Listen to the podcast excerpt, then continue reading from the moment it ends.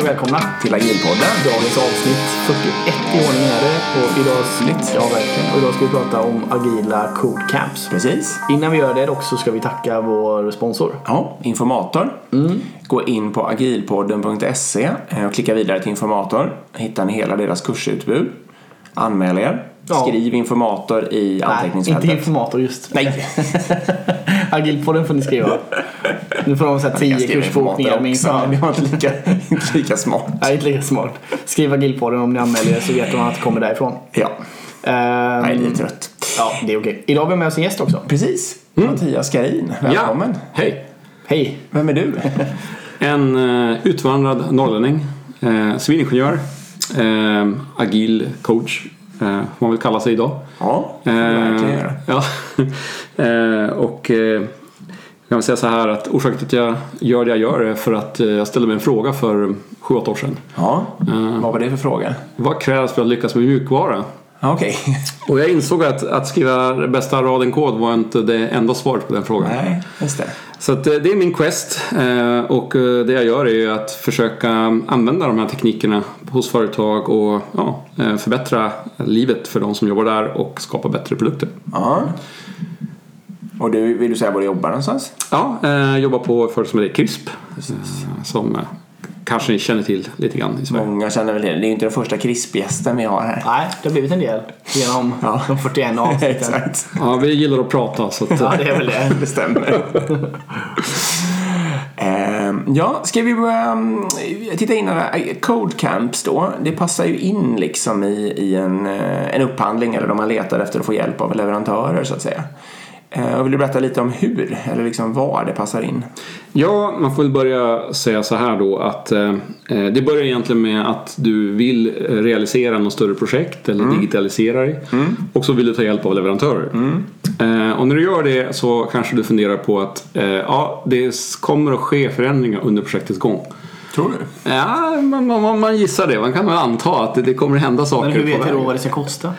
Ja, precis. Eh, Och n- om, om du tänker det på det sättet så kanske du funderar på att använda något som kallas för agila kontrakt. Ja. Eh, Och agila kontrakt är egentligen en process med tre stycken byggstenar. Eh, Och det ena är att du beställer på effektmål och behov. Nummer två, det är att du väljer leverantör baserat på kompetens över pris. Och nummer tre, att du samverkar mot effektmålet. mm. Eh, Och det här då med Codecamps, det passar in i byggsten två. Nämligen, hur eh, väljer jag Rätt. Mm. rätt Mm. leverantör. Så det är där, i den kontexten man ska se det här som en teknik där. Jag ska bara flika in här nu då, att vi har ju för nytillkomna lyssnare eller vad man nu ska kalla det så eh, ska vi säga att vi har gjort ett avsnitt om agila kontrakt Ja, det har vi Mm. med Mia Kolmodin. Och det var också hon som tipsade eh, om att du skulle komma hit och prata. Mm. Sådär. Exakt, så det, det är så det här hänger ihop och det kanske är så- sådär en 10-15 avsnitt sen. Något sånt. Ja. Men då är det här bekant för er. Ja, men det var en bra uppfräschning. Nej, men eh, själva kontraktsdelen är ju väldigt... Det pratade vi ju Mm. baklänges och framlänges om då. Men vi pratar inte mycket om hur man väljer leverantör på, eh, alltså baserat på kompetens att utveckla och sådana saker. Nej, absolut inte. Nej, och jag hade inte... Jag har inget i minne av att jag vet vad Code Camps är, så att säga. Det har inte fastnat. Nej. Så jag, ska, jag vill på riktigt lära mig här idag. All right. Jag får bara flika in en grej där innan, vi- innan vi fortsätter på det. Då är det ju just det här med att eh, välja eh, leverantör och inte fokusera på priset. Eh, Jag, tänker, jag pratade med en controller idag och fick en intressant tanke för eh, det vi pratade om managed service då, alltså att lägga ut det på typ Indien eller någonstans här offshore liksom. Och då tänker blir man ju li- billigare. Ja men precis, för då, man tänker ju liksom då, Då är ju att- det bra. Exakt, för man tänker typ att kostnaden idag för den här applikationsförvaltningen eller applikationsutvecklingen är 8 miljoner om året, låt säga. Och så säger man, men om man lägger in Indien så kostar det 4 miljoner om året. Liksom. Fantastiskt bra. Det är skitbra, det är en halvering av Yes, kostnaden. Det brukar inte vara så. Eller hur, det brukar måste vi ju snarare- göra. Ja, men det brukar inte snarare vara 7,5. Ja, ja, precis. Men Till för att börja det är med, det men som- fortsätt. Den här kontrollen hade ju li- lite koll faktiskt och pratade så här att ja, om- då måste vi jämföra också vad blir ut, outputen, alltså velociteten. Korrekt. Liksom, kommer den också halveras, då, då har vi ju egentligen inte gjort någon ekonomisk vinning. Då har vi ju bara liksom, ja, vi, då, då halveras ju både priset men Mm. också outputen. Ehm, så man måste liksom koppla det då till ja, pris till velocitet. Och det, Mm. där missar ju många chefer, höga chefer som får på uppdraget att outsourca sin IT- sin IT- IT-verksamhet egentligen, eller hur? Absolut. Fast Eller får jag säga något? Ja. De, eh, det- många höga chefer tycker att det är jätteviktigt att mäta någonting som de uppfattar som velocitet. Men om man ger sig på och gör det på ett hårt sätt mot en leverantör så kommer man ju alltid få ett svar som visar att den är hög. Liksom. Alltså om man inte köper stål eller något sånt där som går att mäta upp i antalet kilogram. Liksom. Det Men kanske annars- jag inte håller med. Jag tror att man kan sampla ut den. Kan kan man ju förstås, men om man gör det här den traditionella vägen och försöker göra det på samma sätt som om man handlade skruv eller stål eller något sånt där. Då kommer man ju få mätetal som visar på att det går skitbra. Ja. Men som det i själva verket går inflation i och så vidare. Skulle jag påstå i alla fall. Det finns en risk för det. Men jag vill eh, flika in där. att, eh, Den eh, kontroll som du hade pratat med i alla fall förstått att varje val kommer med en konsekvens. Mm. Och det är ju nummer ett. Eh, Men förutom själva velociteten så tror jag att eh, det man ska räkna på och optimera om man ska prata kostnad, det är produktlivscykelkostnaden. Mm. Och inte liksom vad det kostar under en enskild ett år löpande operativa kostnaden. Mm. Sant. Och om man gör det, då kan man komma till helt andra slutsatser om vilka leverantörer man verkligen vill jobba med. Mm. Ja, men det, det förstår jag. Det där beror ju på när man tar in, det caset som Erik pratar om det kretsar ju väldigt ofta kring att man eh, förvaltar någonting eh, och så vill man flytta över personalen till något eh, nyare, alltså nästa generation som samma sak och så vill man bli av med förvaltningen av det gamla liksom. Så det är man ofta sent i livscykeln. Måste leva parallellt några år liksom. Exakt, det ja, i ganska många år ofta då. Så vill man slippa liksom att belägga sina duktigaste utvecklare och den tanken är i och för sig god liksom, det säger jag ingenting om. Det har ju också funkat i något enstaka fall faktiskt. I något enstaka. Okej. Passat fria då. Men, men det var, det var lite sidospår. Ja. Ja. Code camps. Eh, vi är, vad, vad är det för något? Ja, eh, det är ju en teknik kan man säga eh, som går ut på att du ska försöka förstå vilka leverantörer du vill jobba med. Så att infallsvinkeln är egentligen den här att eh, istället för att traditionellt sett välja leverantörer baserat på att de tickar av hur många krav de klarar av att leverera eller skriver löften på papper så eh, vill du validera deras reella förmåga. Vad de, deras kvalitet till exempel, eh, samverkan. Och få en känsla för, är det här en, en partner som jag vill verka med? Och då är det här en teknik som används. Det är ju inte den enda tekniken. Det bör närmast då att en annan, ett annat sätt att göra det här på, förutom Codecamps, kan vara att bygga en prototyp. Alltså ge ett litet prototypuppdrag till kunden, eller leverantören, eh, under kanske tre veckor. Och så får de på sin egen kammare bygga ihop någonting och demonstrera för dig. Som en alternativ väg. Men om vi går in och pratar om Codecamps så är det ganska enkelt. Eh, Du tar din backlog som kund, Ja. eh, plockar ut en liten bit av den och sen så ber du lever- Backlog på det för den aktuella grejen som jag på riktigt tänker upphandla. Ja, alltså inom det område som du, du, du vill skapa någon form av eh, projekt för. Ja. Sen ber du leverantören komma med ett team och under en dag, Ja. eller någonstans mellan en halv till en dag brukar det ta, eh, så bygger man någonting ihop. Ja. kan man säga. Och eh, i slutet på dagen så då utvärderar du egentligen eh, ett antal olika faktorer då på vad du har fått. Ja. Och- Så att det är ju ett sätt att validera vad de verkligen klarar av ja. På en halv då. på en halv dag. Eller, mm. Och varför är det här viktigt då? Jo, ja, men om vi antar nu att det kommer att komma krav eller önskemål eller förändringar under resans gång. Ja. Så är det ju leverantörens förmåga att gå från den idén till att verkligen omvandla det till någonting riktigt och körbart. Ja. Som du köper. Ja. Så varför inte prova den? Ja. Det är så här, vi kan ju bara backa lite till hur traditionell sån här ehm, liksom upphandling sker. Ja. Bara för att förstå liksom hur, vad- vad- varför det är ett problem kanske också.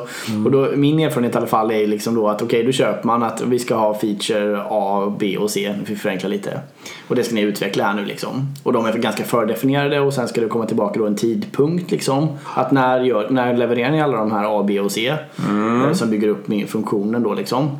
Eller programmet eh, eller projektet eller vad vi nu säger. Och sen också såklart vad kommer det kosta på kronan liksom. Och sen kanske det finns något special eh, tjofräs i avtalet som säger att eh, ja, tillkommer det något så får ni då ta det på rullande fakturering eller någonting liksom. Och blir ni försenade då får ni betala böter kan det vara. Ja, till och med sånt, sånt ja. Typiskt ja. ja.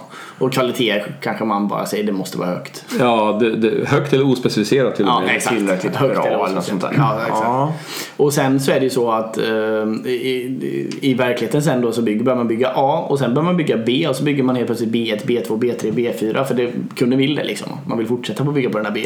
Och sen är man klar och så är C inte byggt och då får man ju just då skit för att du levererar ju inte C. Kanske, ja. Fast B liksom har exp- expanderat något otroligt. Mm. Eller också så- vägrar de fortsätta jobba på B, vilket är ett problem i sig. Ja, Mm. precis. Eller också struntar man i eh, testningen därför att det, därför att det blir Ja, det är för också- ont om tid för att slippa betala böter. Eller så vägrar kunden prioritera. Ja, Eh, och vilket gör att leverantören då sitter med risken i sin rygg och troligtvis tar några shortcuts för att hinna med det kunden verkligen vill. Så det finns många kortsiktiga beteenden som det här driver som man vill bli av med. Precis, exakt. Där sa du ju något väldigt, för det är egentligen det som det hela det här handlar om är ju att eh, mänsk, alltså beteendena människorna emellan här, eh, man driver ju fram fel beteenden med Korrekt, klassisk ja. upphandling. Det, är Ja. liksom det, det, det går tvärs emot de mänskliga drivkrafterna på något sätt. Så det blir osmart alltihopa liksom. Ja, väldigt kortsiktigt, låg kvalitet. Mm, Ja, det, Men det är för att man vill köpa bort risken också som beställarorganisation, eller hur? ja och, och den villfarelse man gör är ju att jag kan köpa bort risken. Exakt. Men risken kommer ju när du ska realisera det här. Ja. Precis, men det är väl där. Okej, så och då, då finns det Mm. smartare sätt att göra det här på helt enkelt. Och det är det här vi pratar om, Codecamps då. Ja, det är ju ett Mm. sätt att strappa dig för den, den, det läget att du kanske du vet en del av det som behövs. Mm. Men du räknar med att du kommer att komma upp nyheter som du inte visste om. Mm. Eh, Och då vill du förbereda dig för att få den här förmågan. Vad får de veta innan de kommer liksom? Ja, traditionellt sett eh, så får de veta eh, vilket effektmål Ja. Mm. det är som kunden vill ha med sitt projekt. Ja. De får veta mm, eh, hur många team, eller grovt sett hur många människor Vad man tänker sig att det är för resursmängd liksom. på något Ja, sätt. som de förväntas ställa, ställa upp med. Och eh, de får eh, oftast veta om vilken teknikstack Mm. eller om valet av teknikstacket är helt öppet Okej. innan. Då får de veta det istället. Liksom. Ja. Mm. Ja, men det är ju rimligt. Så då säger man så här liksom att ja, men vi tänker öka vår försäljning av sushi liksom med faktor 10 genom att introducera en app där man med några få klickningar kan beställa eh, sin sushi så att den kommer fram till dörren. Kan vara så. Det är ett väldigt, väldigt enkelt case kanske. Då. Alltså- Ja, men det här är vårt klass. Det här är det exemplet som alltid vi tar. Okej, nu kör, säljer mycket sushi. Ja, vi kör Nej, det får- det får du få en svårare om du vill. Men det är bara för sådär. Och så säger man, och det tänker vi oss att man ska fixa med ett eh, utvecklingsteam i eh, två kvartal liksom.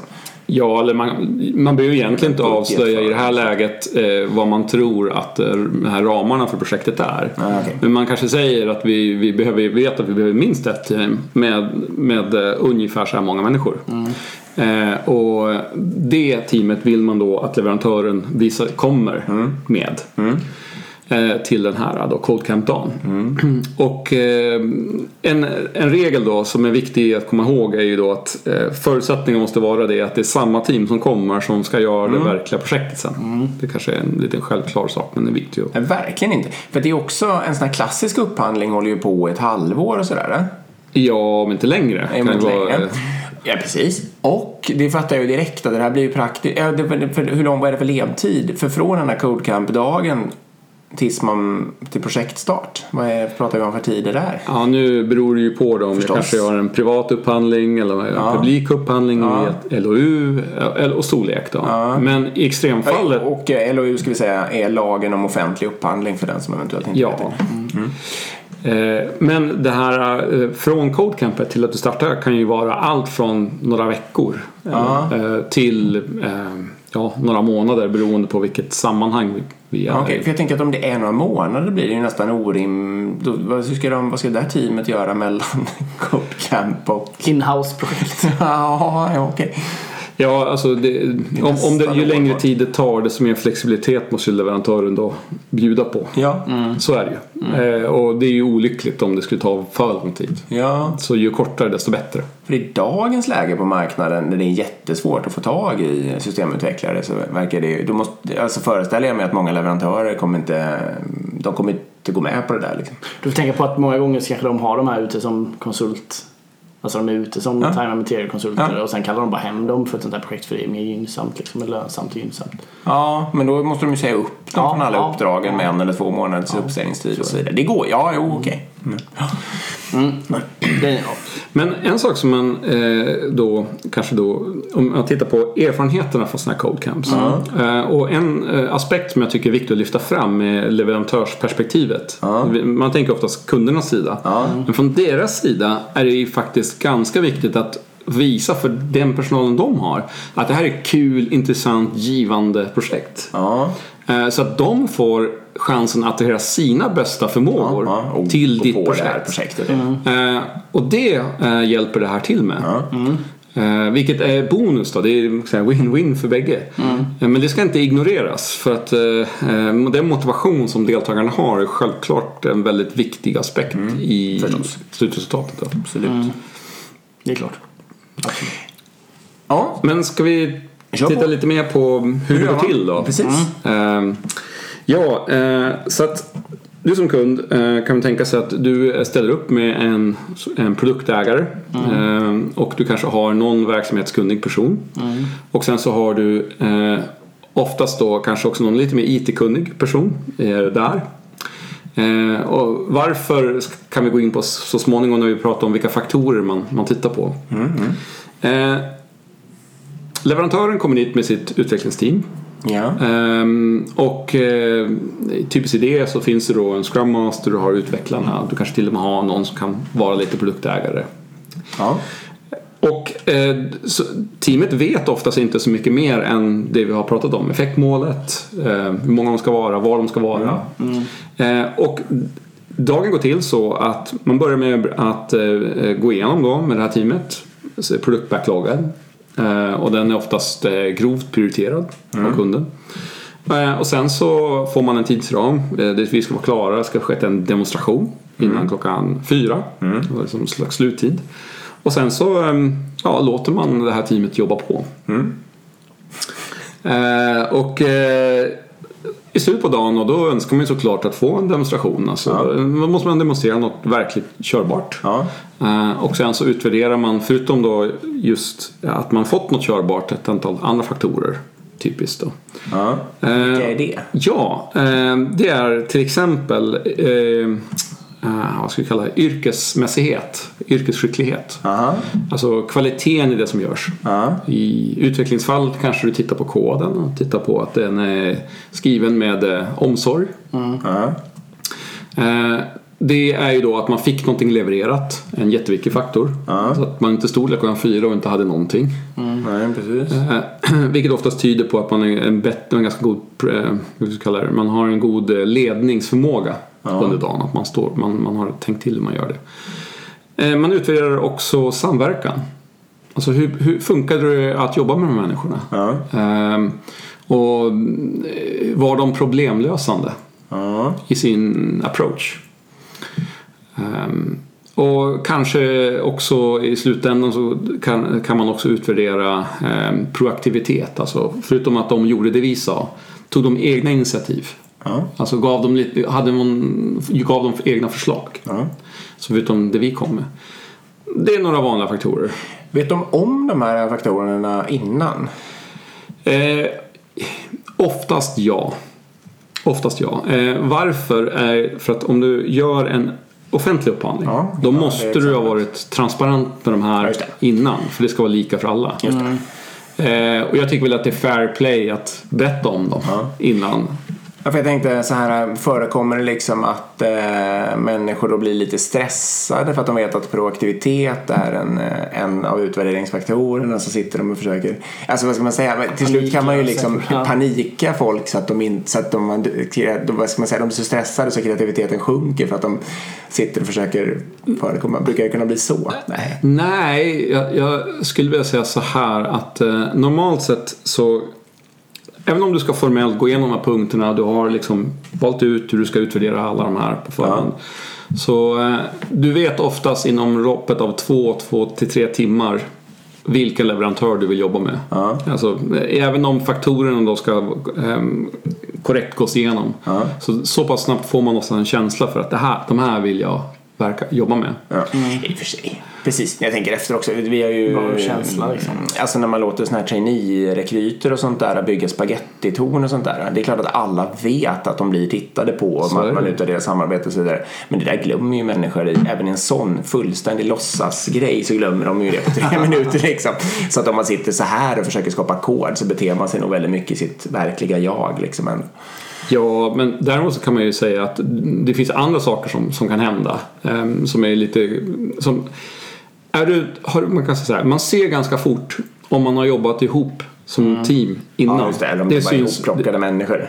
ja, det syns väldigt, väldigt tydligt. Mm. Det kan man ju förstå. Eh, och aspekter, du, du kan ha...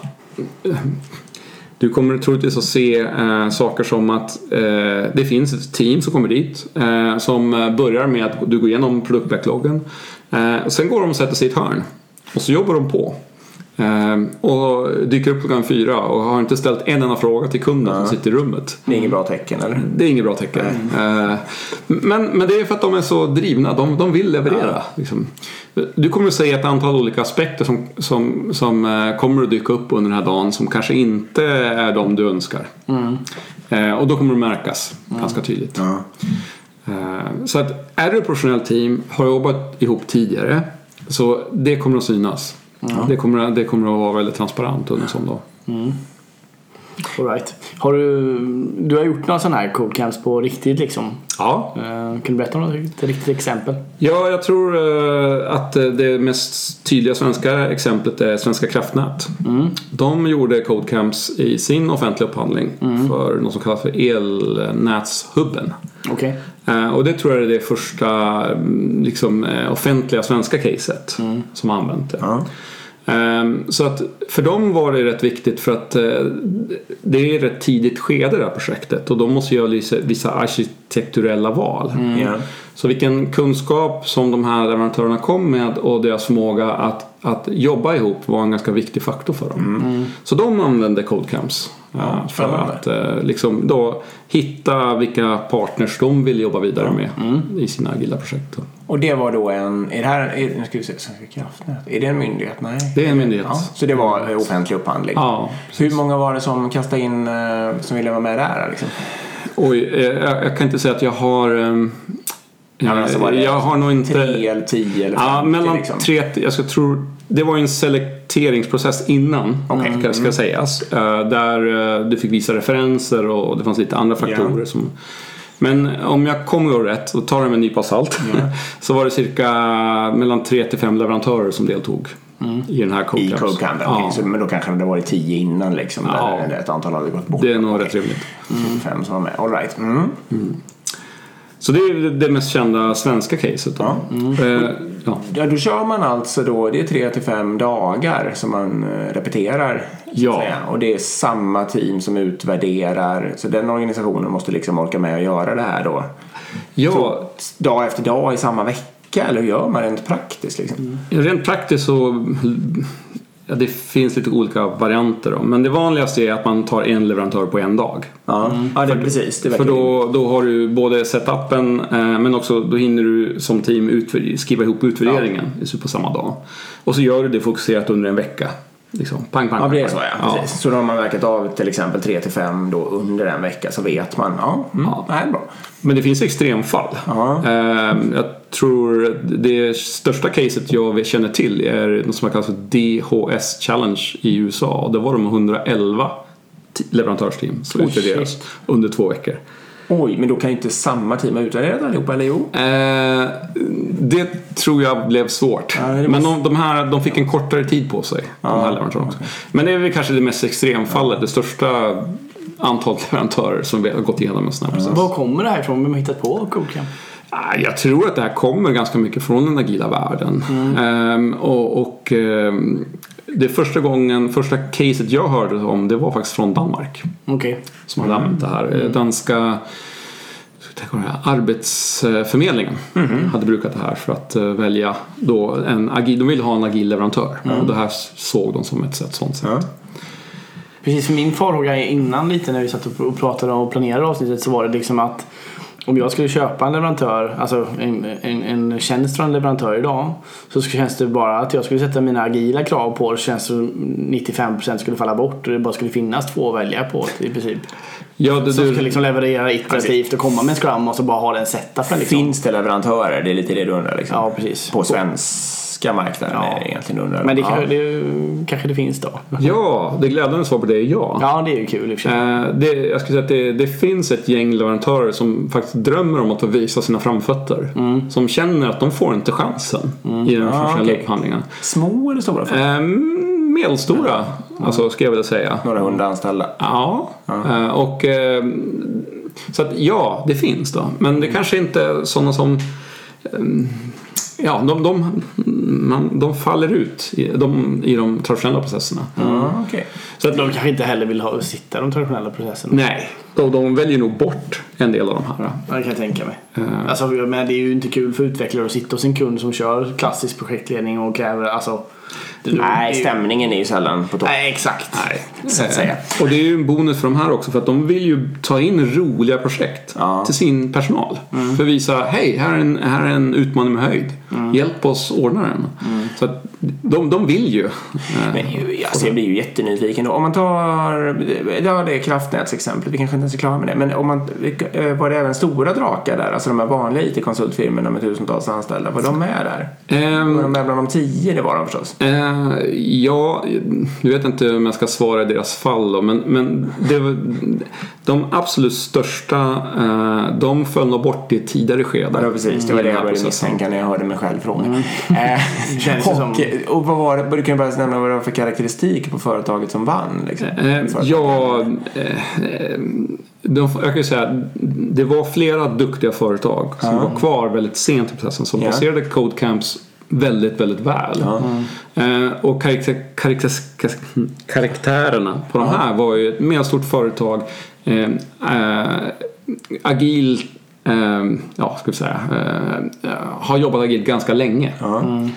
Eh, och eh, Men ändå konsultfirmor. Kon- Ja, i det här fallet så var det konsultfirmor. Men jag, men eh, jag ska inte svära att jag, jag kan- känner inte till så mycket Nej. om deras interna förhållanden. Så, så att, om, jag gissar att de driver projekt. Ja. Alltså internt på firman. Vet du om de här, var det befintliga team de mm, presenterade också? Alltså sådana som hade jobbat som team innan då? Ja, det De som vågar vann? jag inte svara på. Alltså, Nej, Jag, jag, jag skulle säga att oddsen att lyckas är betydligt större om du gör det. Förstås, Mm. precis. Men jag, jag ska inte prata deras ställe. Hur har det gått för kraftnät sen då? Har de, är det här projektet klart eller liksom, eller har vi, vet vi? De är nog i den tidiga, de är ju, de, kan jag säga, eh, de är i remiss. sin eh, implementationsfas. Okej. I den tidiga, så att eh, det är lite tidigt. Och, och, Och- Mm. kallar det för en succé liksom? Nej, det ska vi nog inte göra. Vi ska säga att vi, vi låt oss se det som ett lärande exempel. Nej, jag förstår det. Men det är intressant för att det är offentligt. Ja. Så att, eh, Det är det ju verkligen. Ja. Vad ska man tänka på om man ska jobba på det här viset? Vad man ska tänka på, om man tar leverantören då, så en bra sak det är att tänka på att faktiskt skicka dit ett team som har jobbat ihop tidigare. Eh, Om de inte har gjort det så träna ihop innan. Okej. Eh, Det kommer att märkas om man har jobbat ihop. Man ska inte bara ta sig, ringa ihop sina bästa utvecklare. Nej, Dagen innan. Det, det, det, det är inga goda odds då. Nej. Men jag kan Eh. tänka mig att det är många som gör så. Gör som fuling där, ja. ja. Ja, och som dessutom tror att de är skitsmarta men i själva verket dels eh, är de inte vana att samarbeta och dels om man just bara tar sina bästa utvecklare så får man kanske den här primadonna Mm. liksom, Ja, man vill ju inte ha en offentlig eh, konversation om eh, vilken eh, kodningsstil man ska Nej, ha. Liksom, exakt. och sådär. där och då. När Där och då är det lite fel. Eh, Nej, men det kan väl vara vettigt som leverantör också då. Det här beror lite grann på teknikstackvalet då. Men om du har fått en, en idé om vilken teknikstack du ska vara i. eh, Förstås, även om du har fått det öppet att kanske göra lite sån här eh, wireframing. Alltså att du kan ha lite, någon slags enkel byggmiljö igång. Alltså, eh, så att du snabbt kan realisera och bygga saker. Alltså står ehm, det här, kunden för det här liksom? Nej, Att man du- du kommer med det. Man får förbereda det själv, en, Ja. Mm. en liten pipeline. liksom. Ja, Okej. och det, det kan väl vara klokt. Men förbered inte för mycket. Nej. Det här är lite tips då. Eh, Kom inte med färdiga templates på grafiska gränssnitten. eh, Att du vet exakt hur arkitekturen kommer att se Nej, för ut. då har jag låst mig för För mycket. då kan du ha låst det. Mm. Eh, Så att, lite enkel eh, bootstrapping kan man kalla det, men, men inte för mycket. Ah, okej. Och- Och det här med teknikstacken ska sägas också. Det kan ju vara sådana här grunder som att det ska deployas i något cloud och det kan vara vilket backend-språk man ska använda. och sådana Ja, saker. Mm. och det här är ju faktiskt en, en fråga då om man tar kundens förberedelser. Mm. Så det här är ju en fråga de måste ställa sig. Eh, Ska vi ha en öppen teknikstack Mm. eller ska vi ha en riktad?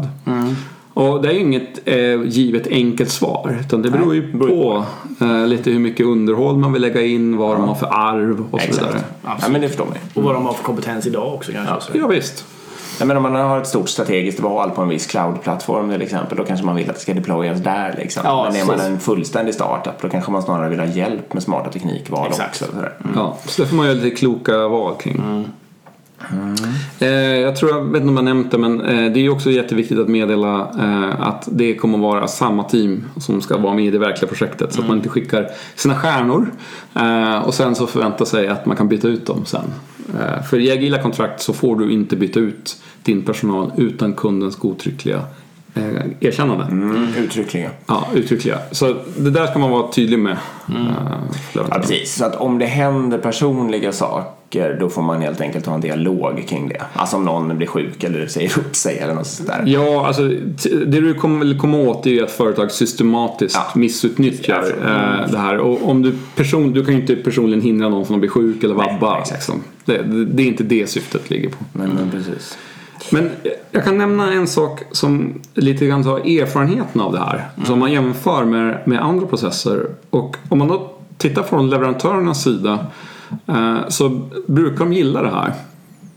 Eh, och det finns väl två saker. Det ena är att det, det är bara roligare. Eh, men den andra aspekten är att det går oftast mycket fortare. Alltså hela upphandlingsprocessen. Mm. Från, från det att du får din, din eh, request for proposal till att Mm. du är igång. Det är oftast mycket kortare. Okej, det är kortare ledtid. Ja, det är mycket kortare ledtid. Mm. Och det är bra eh, för både kunden och leverantören. För, att, för leverantören betyder att han behöver inte binda upp sig Mm. lika länge. Ehm, och ehm, ja, det går att komma igång fortare för Mm. kunden. Eh, och tid är ju pengar så att det är Mm. ju bra för bägge. Att, Jag får- man, man tänker att det här tar tid i och med att man då ska vara där en hel dag med massor med folk. Ja, men det är ju ingenting. Nej, Det är ju ingenting i Jag vet, sammanhanget. men det- så tänker du ja. ja. men tänk dig alla personer som börjar summera ihop de här timmarna och börjar se någon men- kostnad på det här och så vidare. Eh, Eh, om man är traditionell då. Men jag tänker ändå att man tänker, alltså det kan ju låta som att det tar tid liksom. Men, men man får inte glömma att en vanlig upphandling tar extremt lång tid. Och, Ja, istället. för det tar mycket längre tid. Ja. Extremt låg flödeseffektivitet. Exakt. Eh, Jag blir direkt nyfiken. Så Massor här, med ledtider i sig då såklart. Har man liksom och den här förprocessen när man sållar, har, har man varit tvungen att sitta och lyssna på powerpoint från säljarna liksom på de här äh, leverantörerna? Du menar i försteget då, liksom innan? Eh, Eller kan man gå rakt på det här? Det beror ju förstås lite på hur många förslag man får in fattar jag. Men Ja, ja, det beror ju på storleken på det du ska göra skulle jag vilja Kanske det säga. också, ja. Mm, det kan väl vara en klok sak att kanske validera eh, några enkla grejer som att du har en finansiellt stabil leverantör. Innan. Ja. Mm. ja, men det är ju mera internet som man sitter och... Ja, men det- hur du gör det, vi- det kan vi diskutera. Då. Mm. Eh, Det kan också vara kanske en klok sak att validera att eh, eh, leverantören har någon agil erfarenhet Mm. sedan tidigare. Ja, hur gör man det? Ja, du kanske mm, Referens- ber om Ja, referenscase till exempel. Och så, ja. Annars får du göra ett eget quiz med dem om din egna kunskap. Det är inte helt fel. Det är inte helt fel. ja. Att ta Erik. Ja, kan jag hyra in mig till det? Det, det, ska, jag, göra- det, det ska jag göra bra, det lovar jag. Ja. Det där jävla, jag, skulle inte släppa, jag skulle inte släppa igenom en enda person. Vi hade ju, när Erik och jag jobbade tillsammans så länge, länge sedan, det blev en utvikning här, ursäkta. Men eh, då hade vi ju, det var ju något, det var någon som, det var folk som skulle väljas, alltså till helt andra delar av organisationen. Och då så... Ja, Scrum Masters var det. Ja, det var det kanske ja. Jag var allergisk mot dåliga Scrum Masters. Exakt. Och, och, då- och det var ju lite i den brytpunkten också. Alltså det var tidigt i vår agila resa i alla fall och eh, vem som helst kunde liksom verka som att den kunde vara Scrum Master och det fanns ingen i organisationen som var kompetent att bedöma det här. Och då gick du in och bedömde det och Ja. åt andra. Ja, det gjorde jag faktiskt. Utan Var det någon som quiz. klarade det? Ja då. Men det var, det var många som inte gjorde det också.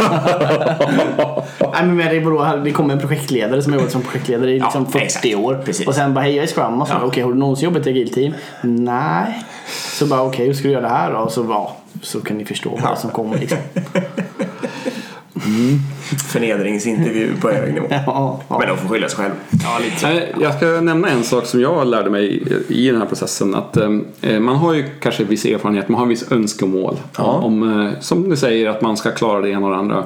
Eh, och det kanske finns en viss risk då att man är lite för preskriptiv. I de här. Att Mm. Det ska man, vara man, så här man, och så här. Mm. Det ska vara så här och så här.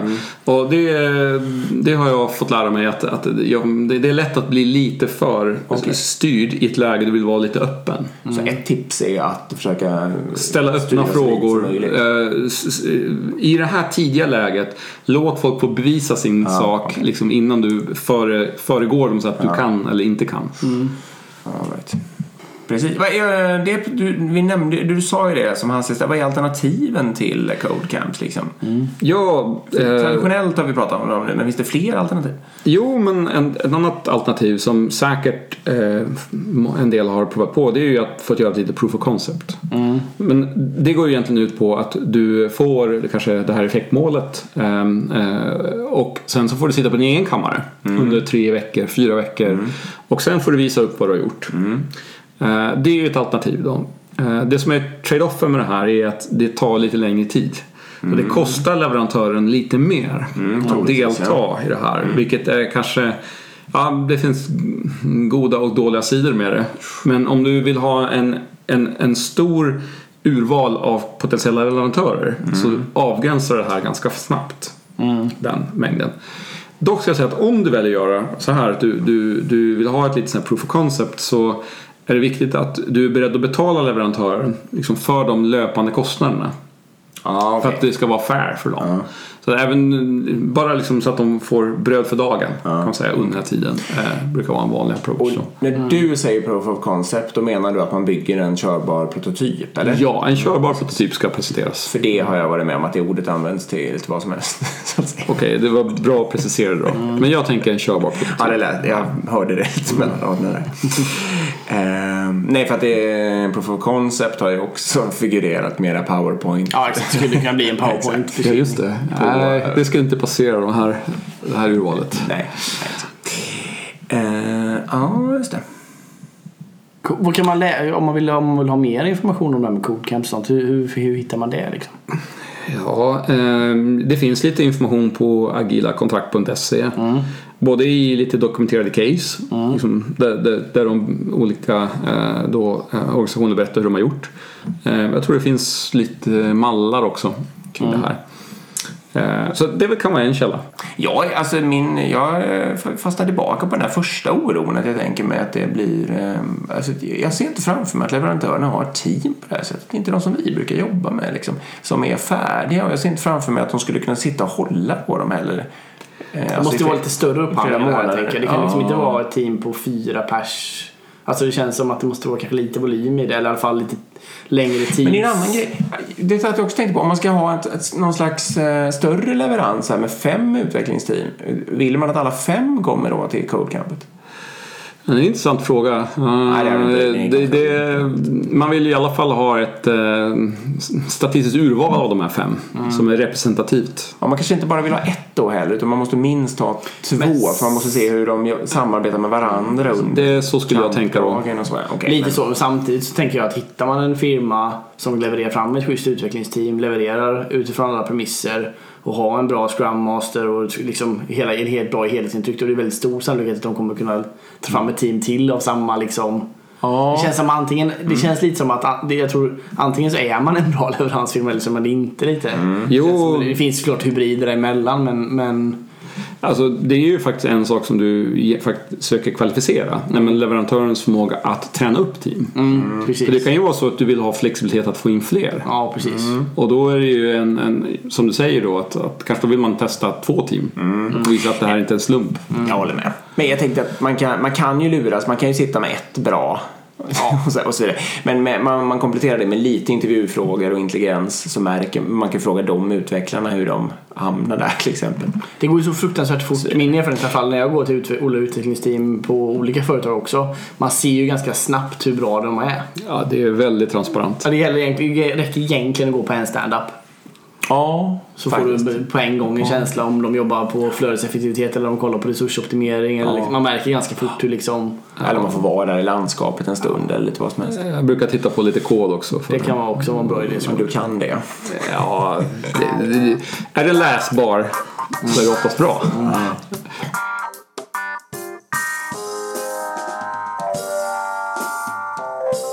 vi, vi kan väl säga det egentligen att det kommer vara en konferens också Just. kring agila kontrakt generellt, eller hur? Ja, faktum är den 18 oktober eh, så sker en, en agila kontraktkonferens.